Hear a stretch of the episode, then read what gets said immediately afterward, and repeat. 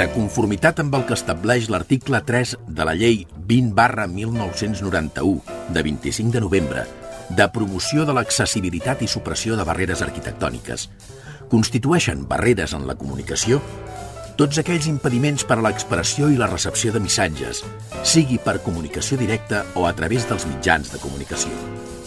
És per això que, emparant-nos en aquesta llei, volem que cada ciutadà gaudeixi del seu propi espai per moure's. Un espai sense censura. Un espai en què vosaltres sigueu els protagonistes. En definitiva, un espai per tothom. Benvinguts a Espai Vital.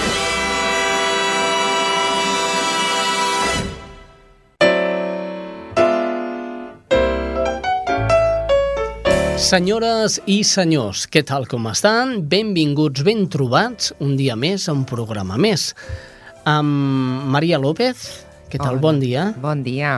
Um, avui um, estrenem tècnica al programa. Ella és la Francina Ricard. De vegades la sentiu passant cròniques. Avui la tenim treballant per nosaltres a l'altre costat de, de la peixera. I un servidor qui els parla, Xavi Casas, fins d'aquí a 60 minuts. M'haureu d'aguantar. 3, 2, 1, comencem. Molt bé, avui comencem parlant de la donació de medul·la òssea. Aquí tenim a l'altre costat del fil telefònic, Maria. Doncs tenim a la Núria Marieges, que ens ha fet el favor de, de tenir avui la seva presència i explicar-nos una mica més què és ser donant i el compromís que ha d'adquirir un donant per participar amb la Fundació Carreres. La Núria és la coordinadora del REDMO, el registre de donants a medul·la òssea. Bon dia, Núria, benvinguda. Bon dia. Què hem de fer per ser donants de medul·la òssea? Doncs el primer, la primera cosa que s'ha de fer, indiscutiblement, és informar-se, saber què és ser donant de moll d'os. Com deia la Maria, és molt important que les persones que decideixin fer aquest pas sàpiguen quin és el compromís que estan assolint amb la societat en general. Aquest seria el primer pas, després seria dirigir-se al centre de referència més proper al seu domicili, que normalment van associats als bancs de sang, i deixar-se extreure una petiteta mostra de sang amb la qual determinarem el seu tipatge HLA. Aquesta paraula una mica tècnica és el que necessitem comprovar si és igual a una altra, a una altra persona, amb un pacient d'arreu del món que tingui aquestes mateixes característiques per poder fer efectiva la donació. Ah, Firmar un consentiment informat mm. i donant-nos les seves dades personals i res més, no cal fer res més per ser donant. eh, suposo que no és com... Bé, en part sí, no? Com una donació de sang, però eh, hi han tres tipus, em sembla, de donació, no? Hi han tres mm, fonts de progenitors hematopoièctics, que és com es diuen tècnicament les cèl·lules mare que es pretenen recollir amb una donació i les que eh, s'implantaran, s'infondran amb un pacient que les seves funcionen malament, per raons diverses, i repoblaran el, el, el nou organisme, diguéssim. Les tres fonts són a través de la sang perifèrica d'una persona, a través del el que coneixem com medul·la òssea, i la donació de, de sang de cordó umbilical. Aquestes són les tres fonts que avui en dia podem aconseguir aquestes cèl·lules que faran possible que una persona eh, es, es curi de la seva malaltia. Molt bé, en paraules planes m'agradaria que m'expliquessis què li fan a una persona per extreure-li medul·la o extreure-li sang i què se li treu a la sang perquè vagi cap a la medul·la. Ok. Intentarem explicar-ho eh, Planament, sisplau. planament i, i ràpidament també, si pot ser. Aviam.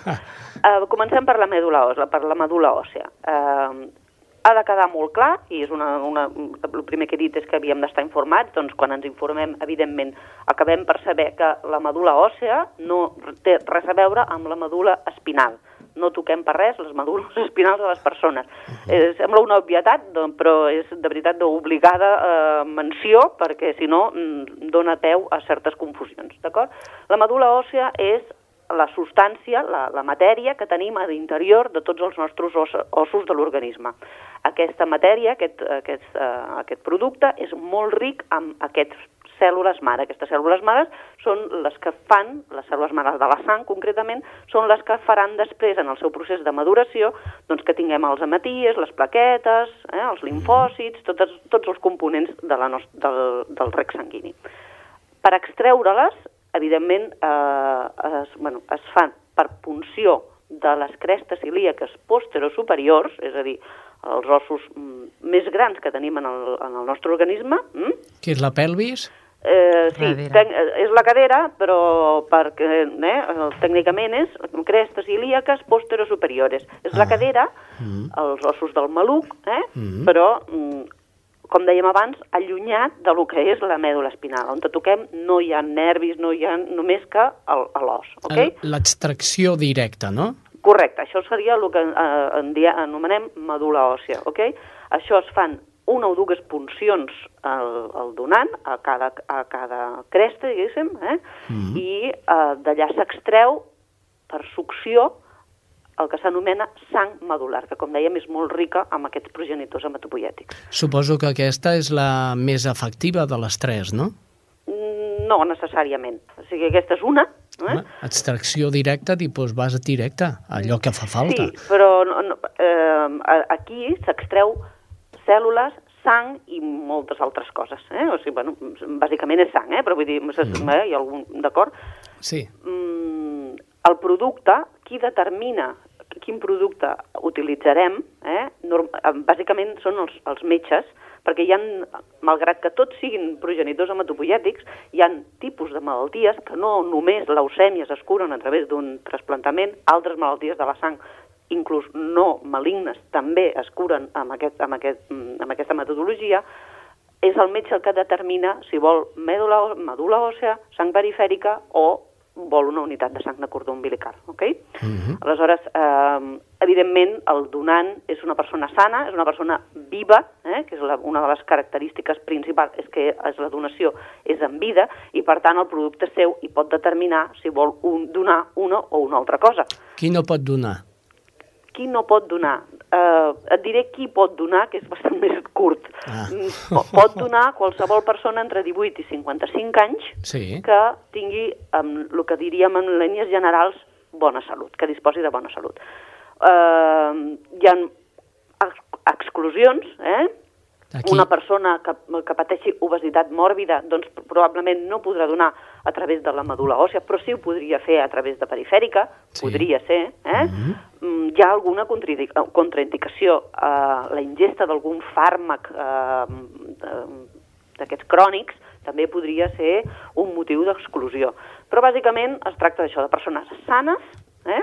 que no tenen cap problema ni que pugui eh, la, que, la, que la intervenció, que la donació els hi pugui afectar i que, lògicament, no tinguin res que puguin transmetre en el receptor que està esperant aquelles cèl·lules mare. Que Fa fal- seria, en, línies generals, la definició de qui pot ser donant.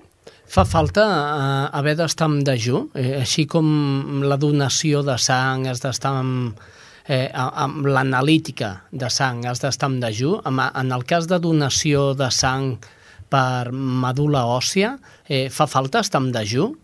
Mira, eh, el, la medul·la òssia, lògicament, es fa sota, a, a quiròfan. Eh? Aleshores, eh, es, pot, es, es fa sota, sota anestèsia, epidural o general, i hasta on, on jo sé, totes les, eh, per, el, la, el no estar en de, o sigui, l'estar en dejú és una prevenció pels possibles efectes de, de, de l'anestèsia més que de la intervenció en si. Eh? O sigui que sí, per la medul·la òssia s'hauria d'estar en dejú, perquè t'ingressen el dia, el dia abans a la nit, treuen el, moll d'os amb una o dues hores al quiròfan el sant demà i potser el mateix dia, màxim l'endemà, te'n pots anar tranquil·lament a casa teva sense cap mena d'efecte secundari. Potser un lleuger, lleuger adoloriment a la zona de les puncions, però que amb uns analgèsics convencionals que tots tenim a les nostres farmacioles, eh, en dos o tres dies eh, s'elimina completament. Eh, això fa mal, oi? No perquè estàs anestesiat. Mm. No fa mal, estàs sota anestèsia. Òbviament no et punxarà ningú a l'os Sí, si no estiguessis en condicions d'anestèsia. Perdoneu-me perdoneu la... Núria, una sí, sí, pregunta, sí. una pregunta, perquè hi ha molta desconeixença del tema i la gent pensa, d'acord, jo vull donar, i si el dia de demà un familiar meu necessita, podria tornar a repetir la donació? Sí, la resposta és sí. No hi ha límit de donació. El límit l'imposem als registres. Els registres sí que en els nostres donants voluntaris no els hi deixem donar eh, indiscriminadament. D'entrada hem de tenir en compte que ser compatible amb un pacient és una cosa molt, molt difícil. Vull dir, només un de cada 500 persones eh, acaba donant efectivament la donació. Per això la crida a que els registres s'enriqueixin cada vegada que la gent s'apunti, que la gent es, eh, perquè és molt complicat ser compatible amb una persona doncs potser d'Alemanya o dels Estats Units o de França o, o de la porta del costat. Això I, és molt complicat. I una altra pregunta, algú pot decidir jo sí m'atreveixo a fer la donació a través de la sang perquè la veig doncs, com una donació de sang que es fan habitualment mm. i hi ha molta gent, però no m'atreveixo a fer la de mm, medula directament perquè tinc por?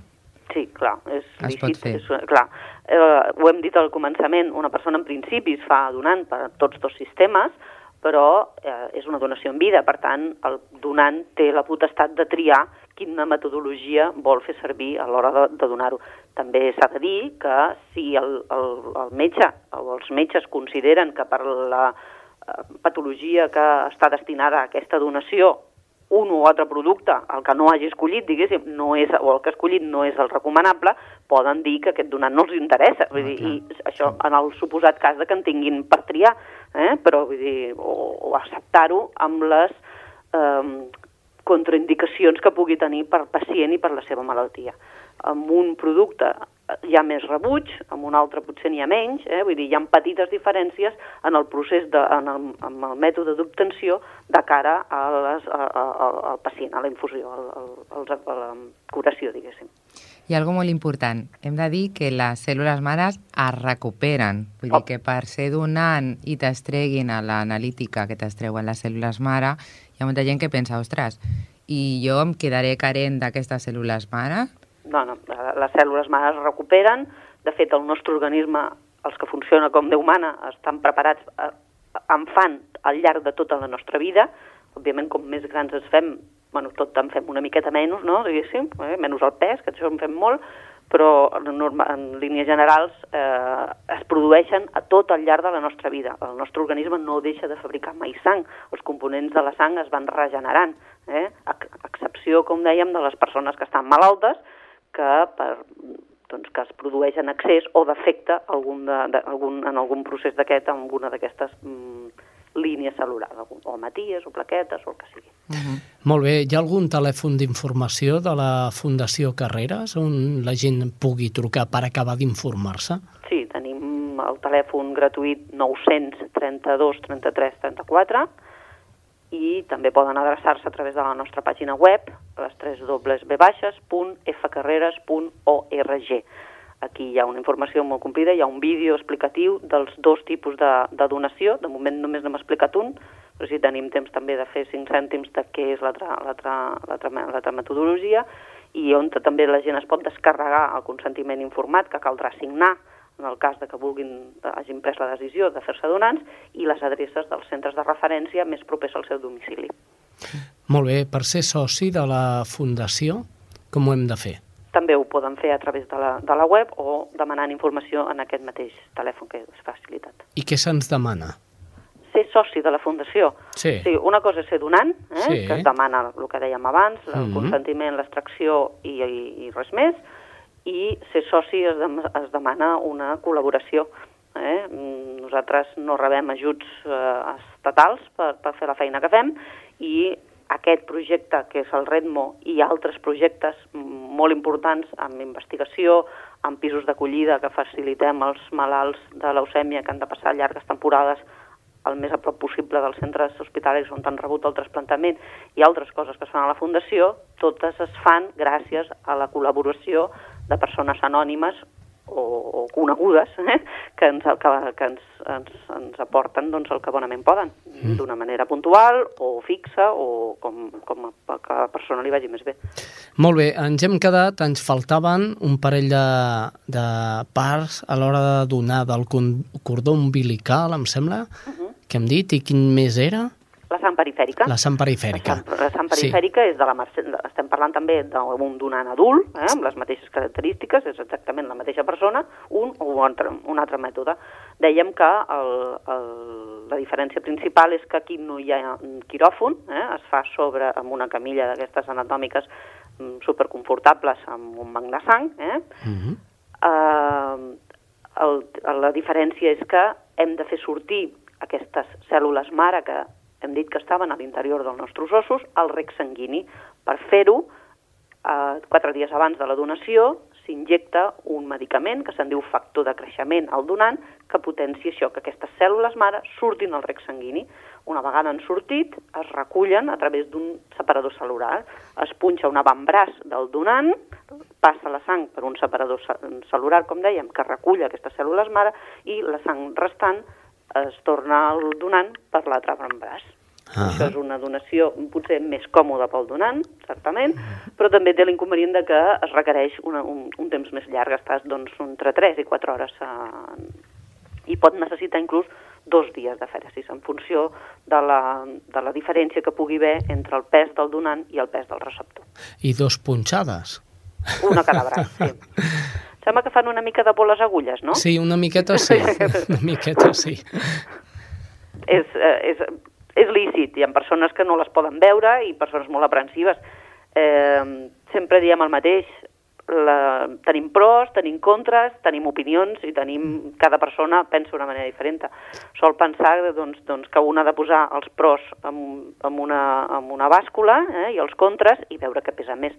A l'altra la, banda de totes aquestes molèsties o mm, o manies, diguem-li, eh, hi ha la possibilitat de salvar una vida a una persona. I clar, ja està. I, això I cadascú tenim, prengui la decisió que ha de prendre. Clar, però això és el que s'ha de tenir en compte, que d'una manera senzilla podem ajudar a salvar moltes vides i, de fet, hi han molts nens, moltes persones, vull dir, sàpigue que tu pots contribuir, no?, a salvar vides i que, a més, eh, el que parlàvem abans, que hi ha una desconeixença perquè la gent s'espanta, diu donació medula òssea i pensa que el punxaran al coll i a la mèdula, saps? Mm.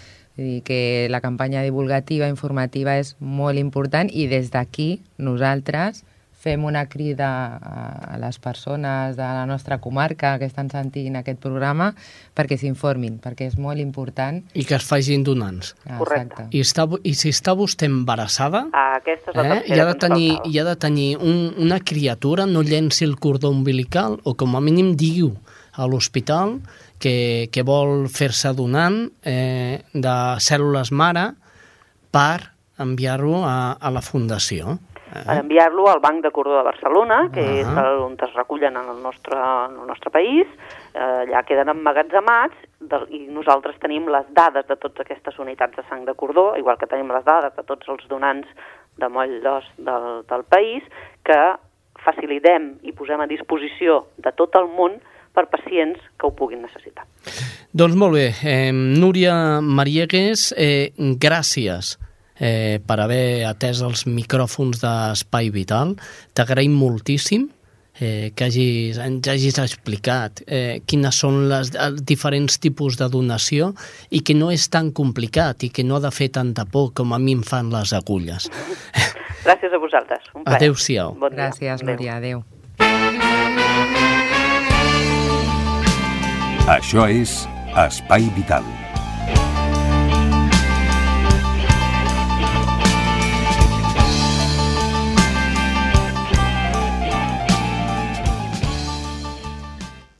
Què passaria si mengessis només una vegada? Que al cap de poques hores començaries a sentir fatiga i mareig. Després et baixaria la pressió i la temperatura corporal. Et sentiries molt feble i perdries el coneixement. Què passa si dones sang només una vegada? Que al cap de pocs dies ens comencen a faltar glòbuls vermells. Després baixen les nostres reserves per fer transfusions. Tot seguit comencem a trobar que ens manquen plaquetes. Així no podem ajudar els malalts de càncer, ni podem atendre emergències. Necessitem que tornis a donar sang com tu necessites tornar a menjar.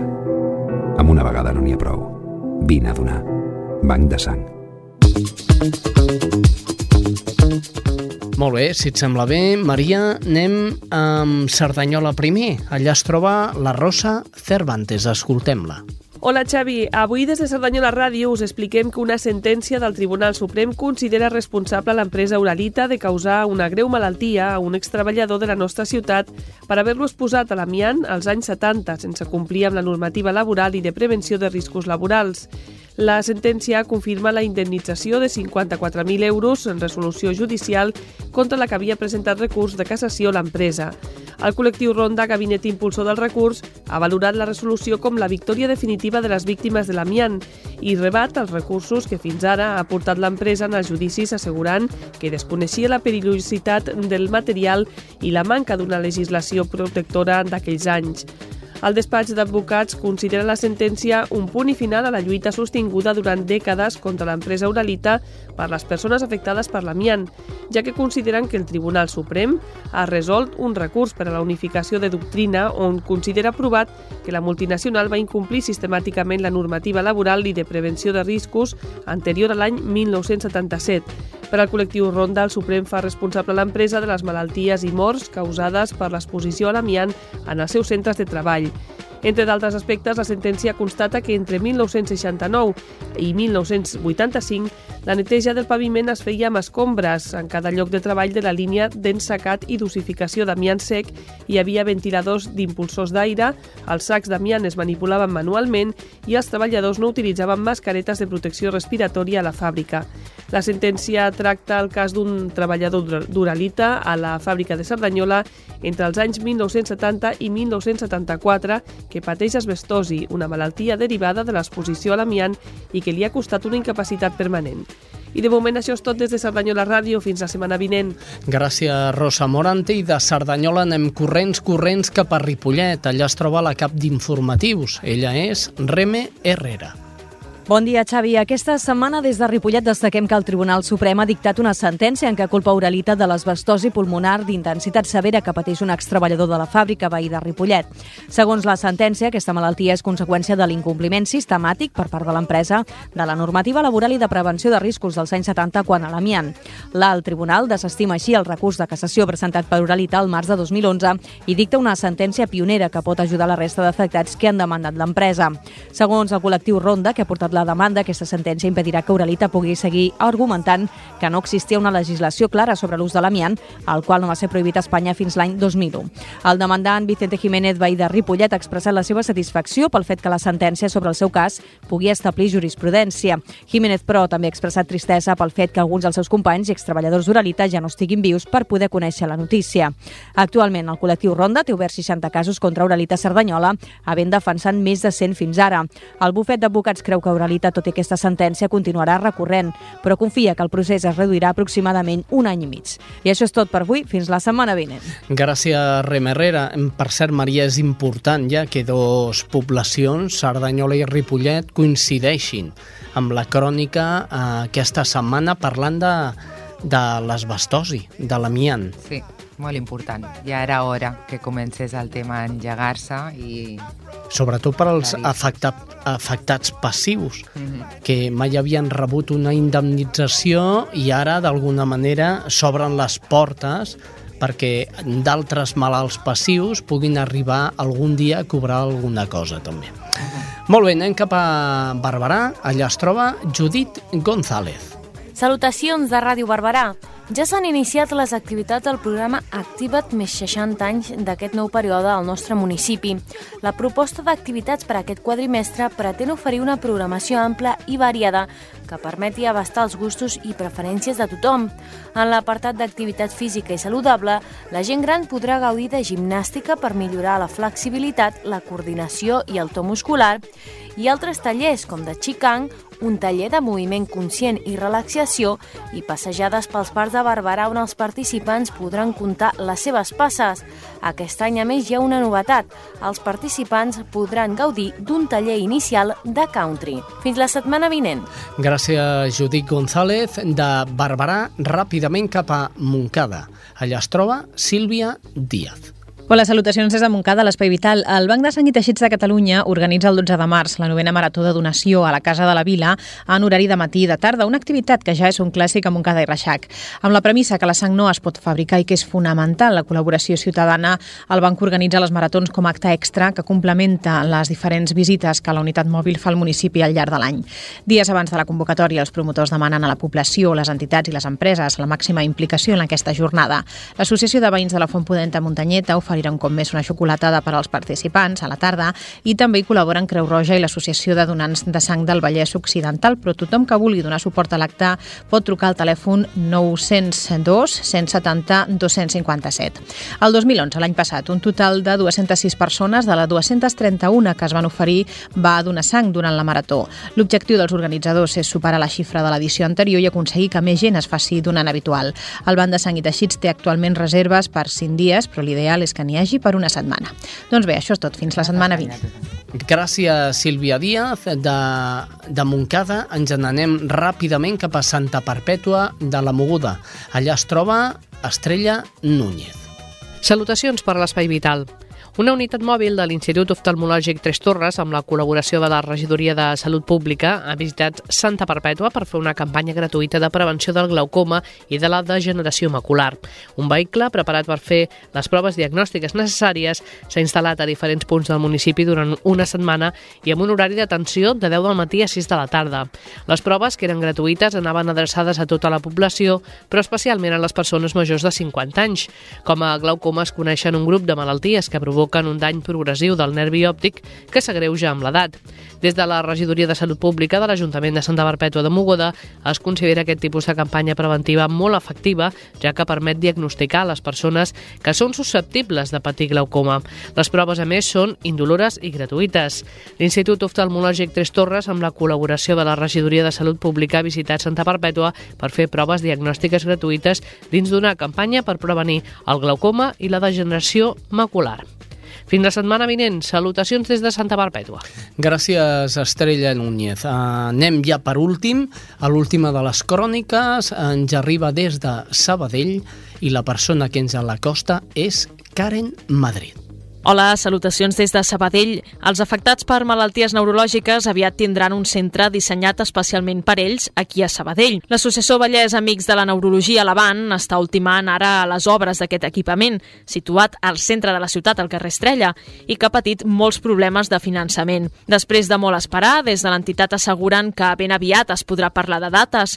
Tot i això, encara falten alguns detalls per concretar, com per exemple quantes de les places d'aquest centre seran concertades per la Generalitat i quantes seran privades. A aquest centre a banda Sabadell se n'hi sumarà un altre de Terrassa, el de Bonaire. És tot des de Sabadell. Estàs escoltant Espai Vital.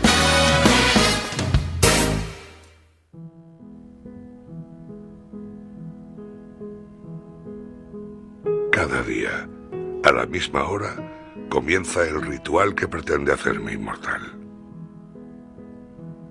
Algunos lo llaman la esperanza de vida, otros prefieren hablar de milagros. Yo creo que todo eso son cuentos y que solo cuestión de suerte. Para mí la vida se resume en un montón de colores. La verde para el azúcar, la azul para la tensión, que la tengo por las nubes. La amarilla, ¿la amarilla para qué era? La del hierro, pues sabe a azufre. Y la blanca. Esta es la más importante, la que tomo para ayudar a los que no tienen pastillas para curarse. Yo le digo a mi nieto que lo que me está curando es esta pastillita y él me mira como si estuviera loco y me dice, imposible. Pero eso es lo bueno de tener años, que uno puede creer ya en lo que le dé la gana.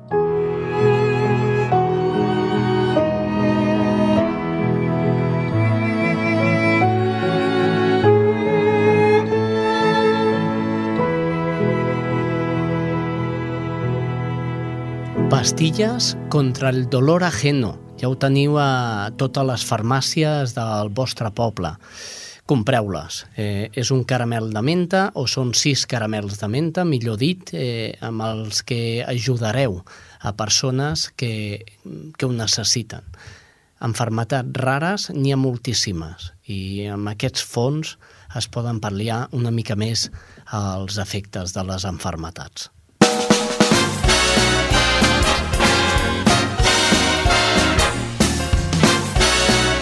Espai Vital, el primer programa adaptat de les zones. I anem a escoltar ja a l'Espai Salut de l'Espai Vital.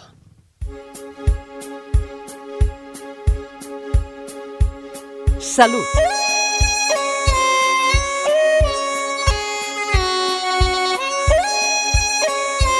Amb la col·laboració del Servei de Salut Pública de la Diputació de Barcelona.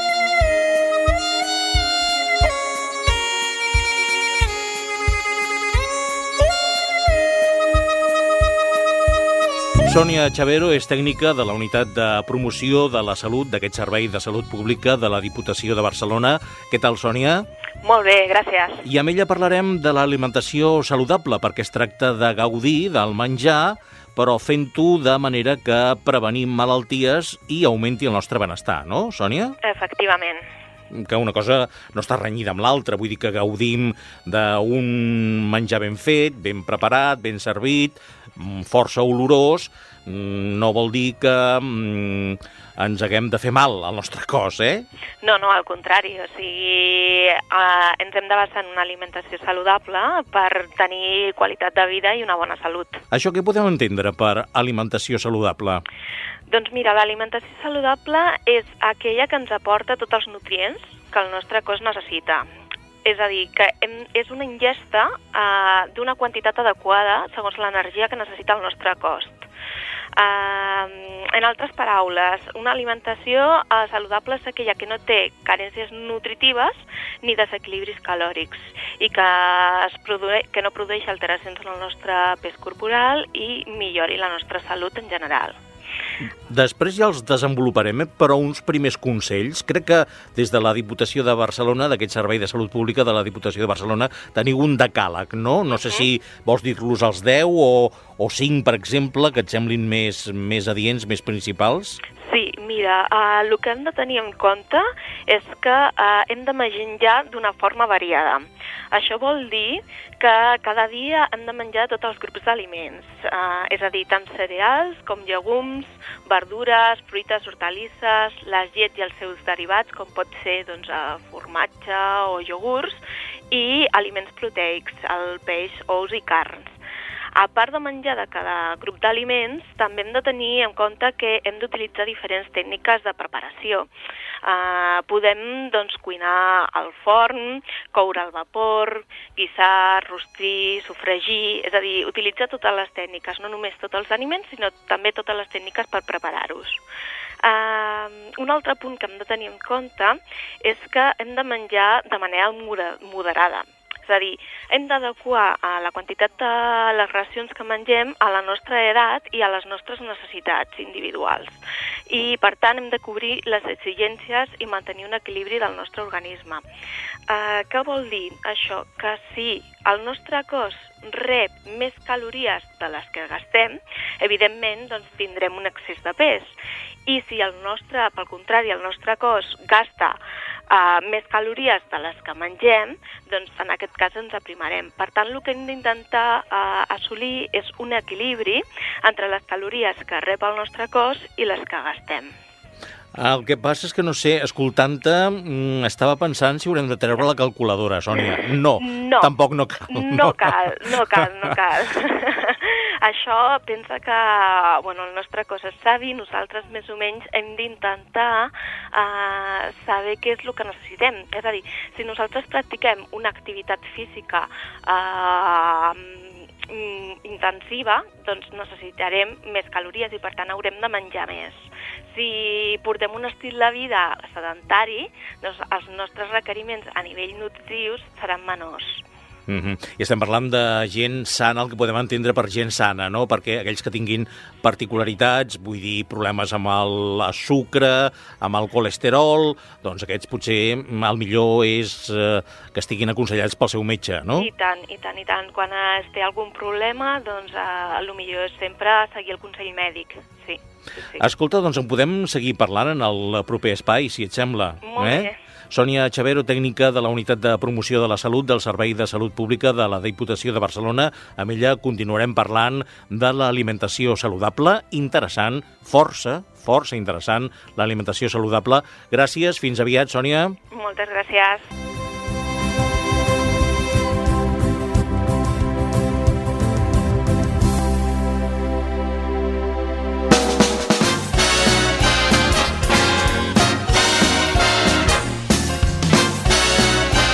Espai Vital, el primer programa adaptat de les zones.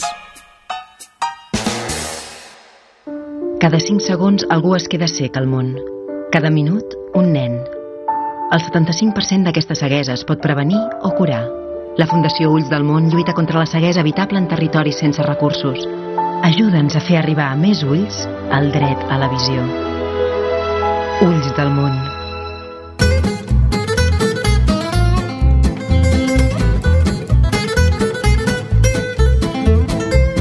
Això és Espai Vital.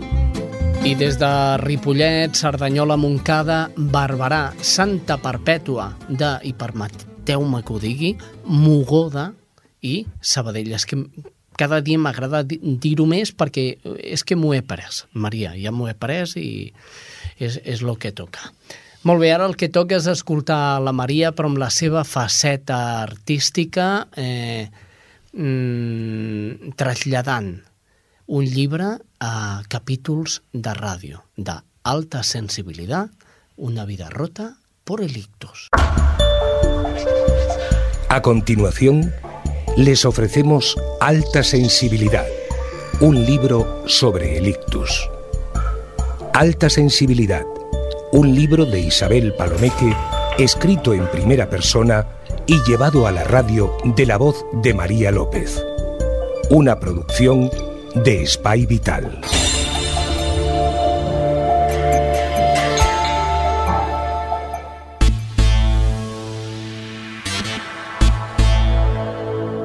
El final de mi relación oficiosa con Rouget fue un golpe mucho más duro del que podía imaginar. Pienso a día de hoy y sin ninguna duda yo habría hecho lo mismo en su lugar. Dispongo de todos los argumentos racionales que justifican que nuestra relación debía acabarse tarde o temprano aunque quizás no esperaba que esto pasara tan pronto y de una manera fulminante, usando una frase tan manida para liquidar nuestro año de complicidad. Como amigos, acerté a decir y enseguida pude añadir, creo que no. El rechazo me sumergió en una espiral de negatividad. ¿Qué sentido tenía todo el tiempo que habíamos pasado juntos? Ahora, todo se reducía a una frase de adolescentes para romper con una relación que solo existía para nosotros dos y que debía acabarse por una injusticia de mi destino. Allí, en el coche, Rouget me miraba y no le reconocía como el amante, el compañero y el amigo inseparable que había sido, incluso tras el ictus. Por su parte, él no osaba confesar la verdad, es decir, que no tenía fuerzas ni el coraje suficiente para seguir enamorado de la Isabel vuelta del revés, torcida, discapacitada y malograda que se paseaba con muletas a su lado. No soy una persona depresiva, pero en aquellos días se me instauró en la cabeza la idea del suicidio. Odiaba a los médicos que me habían salvado la vida y me habían condenado a este sucedáneo de existencia cadena perpetua. Desde entonces se multiplicaron los momentos en los que me imaginaba poniendo fin a toda aquella situación. Momentos para coquetear tan solo con la muerte o con algún tipo de desaparición que desvaneciera mi cuerpo de esta realidad no deseada. Momentos de negrura absoluta que se prolongaban durante horas o pocos días, pero que afortunadamente acababan desapareciendo, arrinconados por mi afán de recuperarme, de hacer reavivar la Isabel que siempre había sido, una Isabel que sí podría mantener a su lado a Rouget. Este estado de shock me acompañó durante casi dos años Inconscientemente, centraba mis esfuerzos de rehabilitación en recuperar aquel amor, el cual constituía quizás el símbolo más fuerte de mi vida anterior. Rouget, voy a por ti. Quizás todavía no puedo, pero en dos o tres años me encontraré mejor y volveremos a estar juntos. Estas palabras se repetían como un mantra en mi cabeza. Pero el tiempo, como me decía todo el mundo, pasa y sus efectos benéficos me hicieron aceptar lentamente que me quedaba poco, bien poco, por recuperar de lo que había sido mi pasado hasta el momento.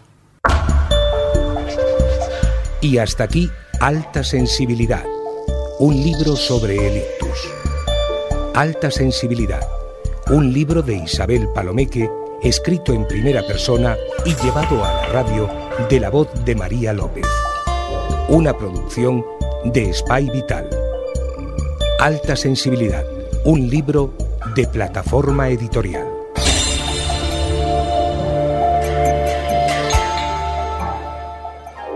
Anem acabant el programa. Ara és moment d'escoltar la cuina eh, de Conxita Naudi.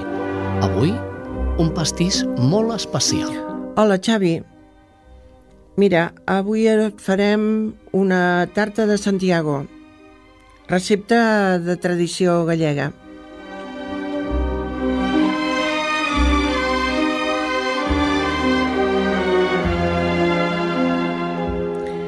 Els ingredients són per 6 o 8 persones. Necessitarem 150 grams de farina, 500 grams d'ametlles motlles, 500 grams de sucre, 50 grams de sucre en pols, una culleradeta de canyella, una copeta de gerès dolç i set ous.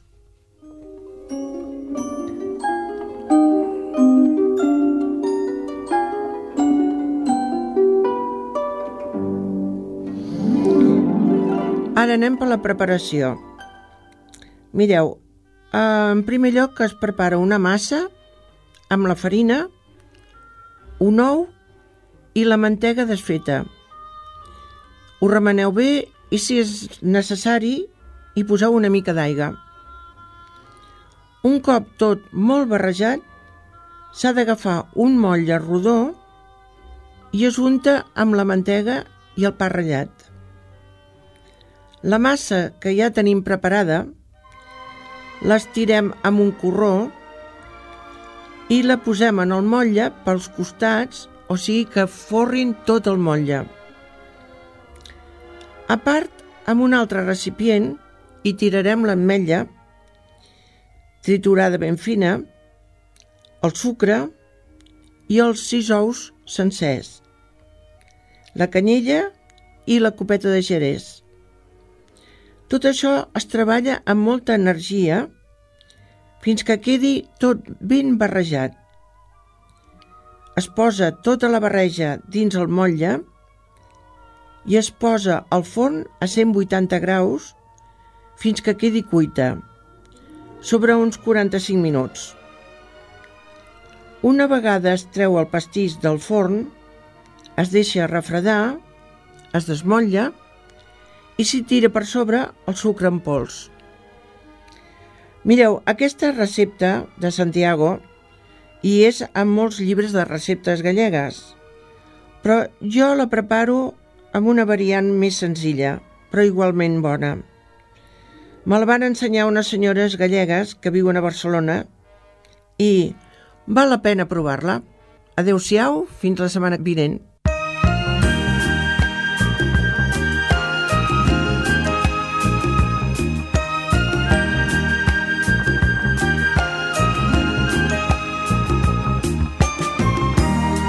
Yes, it's over, call it a day.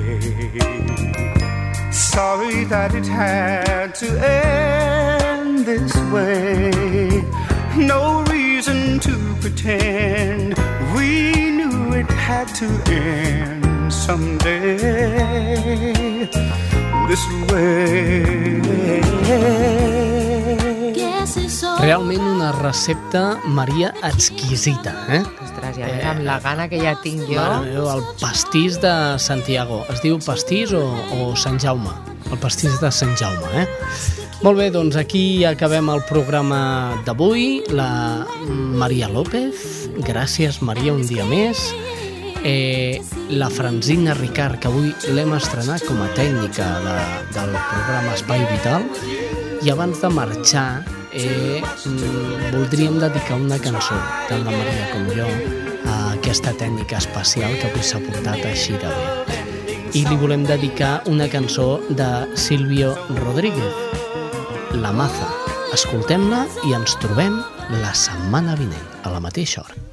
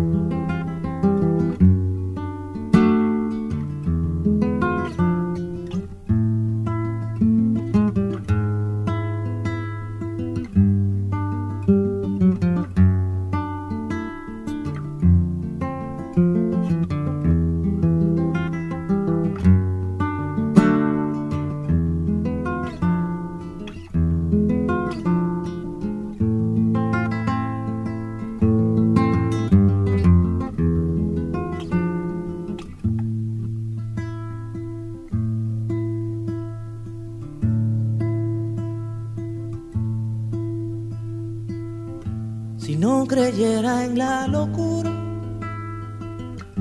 de la garganta del sinsonte, si no creyera que en el monte se esconde el trino y la pavura, si no creyera en la balanza, en la razón del equilibrio, si no creyera en el delirio, si no creyera en la esperanza,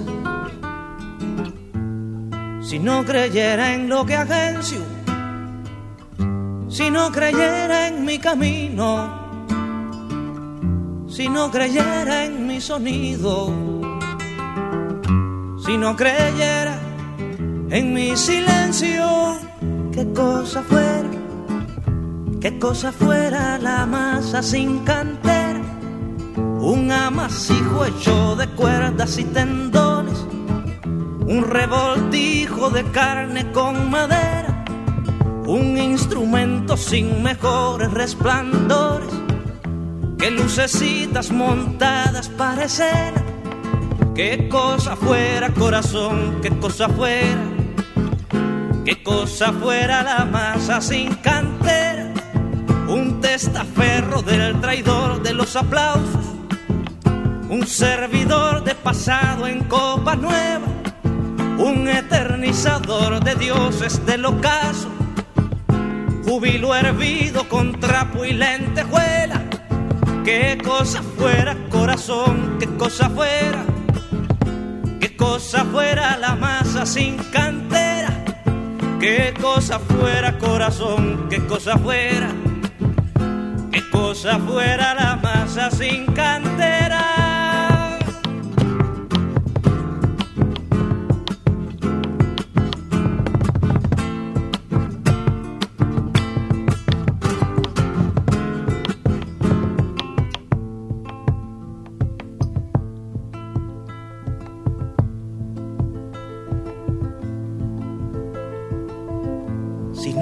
Creyera en lo más duro,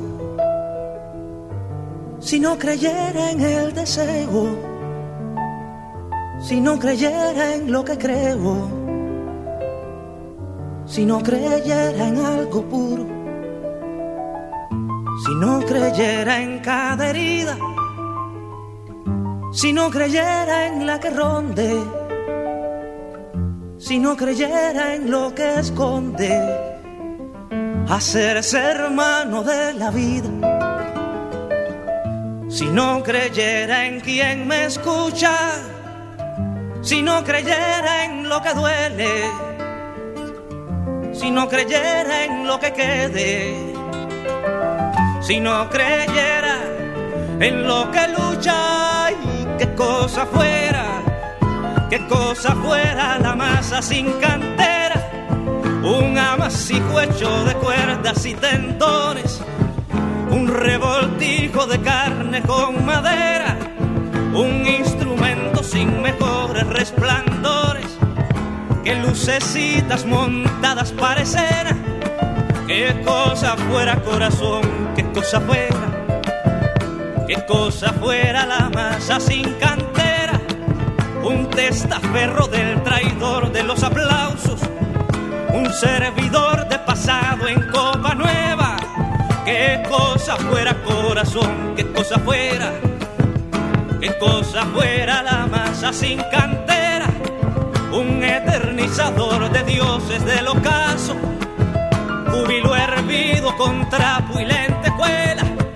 Qué cosa fuera corazón, qué cosa fuera, qué cosa fuera la masa sin cantera, qué cosa fuera corazón, qué cosa fuera, qué cosa fuera la masa sin cantera.